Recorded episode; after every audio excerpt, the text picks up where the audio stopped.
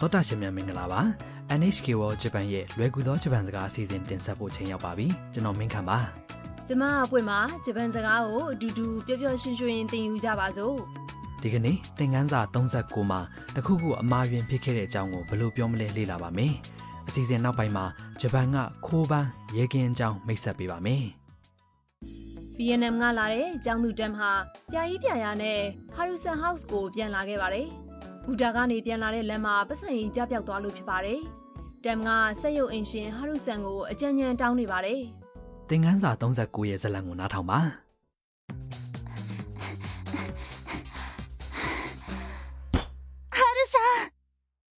財布を落としてしまいましたあら大変交番に行ってごらんなさいそれでどんな財布ですか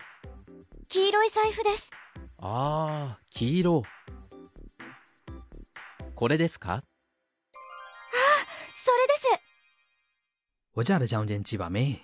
တမ်ကဟာရူဆန်ကိုအကူအညီတောင်းလိုက်ပါတယ် ハルさん財布を落としてしまいました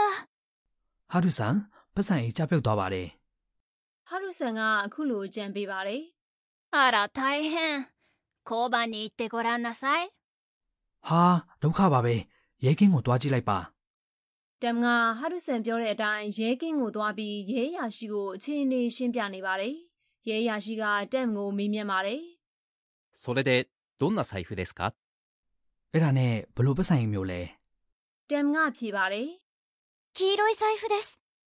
အဝါရောင်ပတ်စံကြီးပါ ။အဲ့ဒီတော့ရဲအရာရှိက ああ黄色これですか ။အော်အဝါရောင်ဒီဟာလား တမ်ကဝမ်းသာအားရဖြေပါတယ် それです ။အော်အဲ့ဒီဟာပါပဲ ။တမ်တရားကိုပတ်စံအိပ်ပြန်တွေးလို့တော်သေးတာပေါ့ ။ခိုးပန်းရဲကင်းတွေဆိုတာအများပြည်သူဘေးကင်းလုံခြုံရေးအတွက်မြို့အနှံ့မှာရဲတွေကိုတာဝန်ချထားတဲ့စခန်းတွေဖြစ်ပါတယ်။ဒါကဂျပန်နိုင်ငံကစတင်တဲ့စနစ်ပဲဖြစ်ပါတယ်သောတာရှင်တို့ကြီး။ဒီကနေ့အတွက်အဓိကအသုံးနှုန်းက 財布を落としてしまいました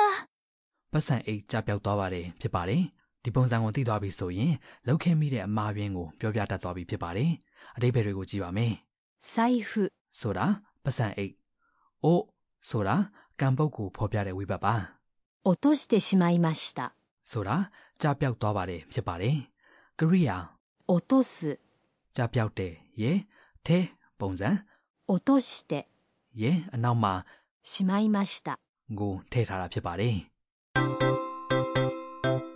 ဒီကနေ့အတွက်အဓိကအချက်ကထဲပုံစံကရိယာရဲ့အနောက်မှာ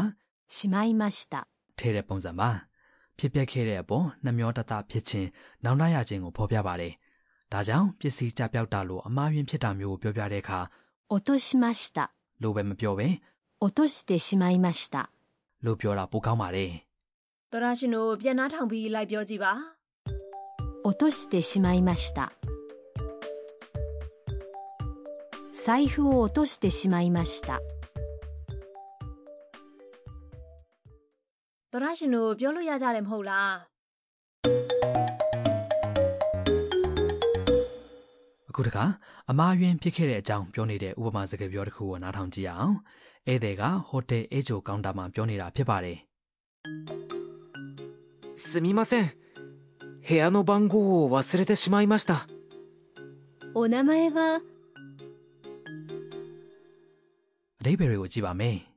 すみません部屋の番号を忘れてしまいました တစိမ့်လောက်ခင်ဗျာအခန်းနံပါတ်မေ့သွားပါတယ်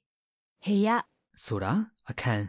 番号 ဆိုတာနံပါတ် 忘れて ဆိုတာကကရိယာ 忘れる မေးတယ်ရေထဲပုံစံပါသူ့နောက်မှာ しまいました。 ထဲပြီးပြောခြင်းအပြင်ဒုက္ခရောက်နေတဲ့ခံစားချက်ကိုဖော်ပြပါတယ် お名前は နာမည်က 名前 ဆိုတာနာမည်ဧည့်သည်ကိုတိုက်ရိုက်မေးတာဖြစ်တဲ့အတွက်ယဉ်ကျေးတဲ့သဘောနဲ့ရှေ့မှာအိုကိုတက်ပြီး お名前 လို့ပြောပါတယ် သောရရှင်တို့တစင်ချင်းပြန်နှားထောင်ပြီးလိုက်ပြောကြည့်ပါ 忘れてしまいました。部屋の番号を忘れてしまいましたすみません部屋の番号を忘れてしまいました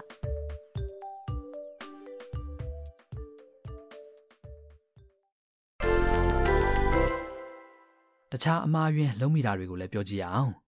စားတောက်ဆိုင်မှာဖန်ခွက်ထဲကနေရေဖိတ်သွားတယ်ဆိုပါစို့ဇပွဲတို့ကိုခေါ်ပြီးရှင်းပြကြည့်ရအောင်ရေဖိတ်တယ်က 水をこぼす ဖိတ်တယ်ဆိုတဲ့ကရိယာက こぼす သူ့ရဲ့သဲပုံစံက こぼしてこぼして ဖြစ်ပါတယ်ပြောကြည့်ပါခင်ဗျာ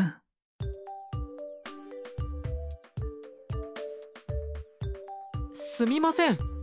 水をこぼしてしまいましたすみません水をこぼしてしまいました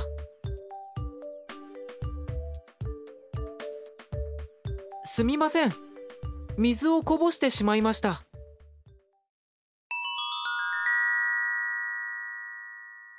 ဆက်ဆက်တိုးပွားစကားလုံးများကဏ္ဍပါဒီကနေ့တော့အယောင်တွေကိုဘယ်လိုပြောရမလဲဆိုတာကိုမိတ်ဆက်ပေးပါမယ်တမ်ကရဲကင်းမှာသူ့ရဲ့ပတ်စံအိတ်အကြောင်းဖော်ပြတဲ့အခါ 黄色い財布 အဝါရောင်ပတ်စံအိတ်လို့အသုံးသွားပါတယ်။အဝါဝါတယ် 黄色い ကဤနာမဝိသေသနာဖြစ်ပါတယ်။တခြားရောင်တွေဆိုရင် အနီးနီးတယ်က 赤い အဖြူဖြူတယ်က 白い အမဲမဲတယ်က 黒い အပြာပြာတယ်က 青い ဖြစ်ပါတယ် သရရှင်တို့နားထောင်ပြီးလိုက်ပြောကြည့်ပါအနီးနီးတယ် 赤い အဖြူဖြူတယ် 白い အမဲမဲတယ် 黒い အပြာပြားတယ် 青い ဒါနဲ့ကိုမင်းခန့်ရဲ့အယောင်တွေအားလုံးကဤနာမဝိသေသနာတွေလာရင် ။မဟုတ်ဘူးမှနံတွေလည်းရှိတယ်။အစိမ်းရောင်က 緑 ဆိုတဲ့နံပါ။နံပုတ်ဖြစ်တဲ့အရောင်တွေကိုအခြားနံပုတ်နဲ့ဆက်တဲ့အခါကြားထဲမှာဝိဘတ်နို့ကိုထည့်ရပါမယ်။ဥပမာအစိမ်းရောင်ပတ်စံအိတ်ဆိုရင် 緑の財布 လို့ပြောရပါမယ်။နောက်ပြီးအနောက်တိုင်းမွေးစားစကားလုံးတွေနဲ့ပြောတဲ့ပန်းရောင် ピンク နဲ့မီးခိုးရောင် グレー စားတာတွေကလည်းနံပုတ်တွေပဲဖြစ်ပါတယ်။ကဲဒီကနေ့အတွက်ဇာတ်လမ်းကိုတစ်ခေါက်ပြန်နှာထောင်ကြအောင် ハルさん財布を落としてしまいましたあら大変交番に行ってごらんなさいそれで、どんな財布ですか黄色い財布ですああ、黄色。これですかそれですハルさんの知恵袋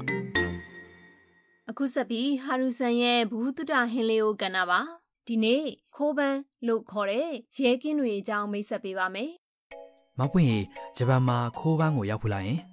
ရောက်ဖူးတာပေါ့လမ်းပြောက်ပြီးဘယ်လို့သွားရမှန်းမသိတော့ဘူးဆိုရင်အကူအညီသွားသွားတောင်းတာလေကိုမင်းခန့်ရဲ့ခိုးပန်းရဲကင်းတွေကနေရာအနှံ့မှာရှိတော့အဆင်ပြေတယ်နော်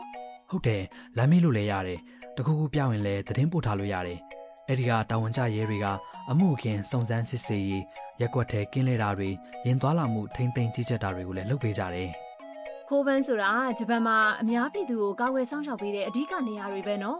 ဒီရဲကင်းတွေကလူတွေရဲ့နေစဉ်လူမှုဘဝတွေနဲ့ဆက်ဆက်နေတာဆိုတော့ရုပ်ရှင်ဇာတ်လမ်းတွေဝိထုတွေကာတွန်းတွေထဲမှာလည်းခဏခဏပါတယ်နော် ဟုတ်ပါတယ်ဂျပန်မှာတခြားနေရာတွေမှာထက်မှုခင်ဖြစ်ပွားနှုန်းနှိမ့်ပြီးဘေးကင်းလုံခြုံတာကလည်းဒီခိုးပန်းတွေရှိတာကြောင့်ဖြစ်တယ်ဆိုတဲ့အယူဆလည်းရှိပါတယ်ဂျပန်အပြင်အမေရိကန်ပြည်ထောင်စုစင်ကာပူနဲ့ဘရာဇီးစတဲ့နိုင်ငံတွေမှာလည်းခိုးပန်းစနစ်ကိုကျင့်သုံးနေကြပါတယ်ခင်ဗျာ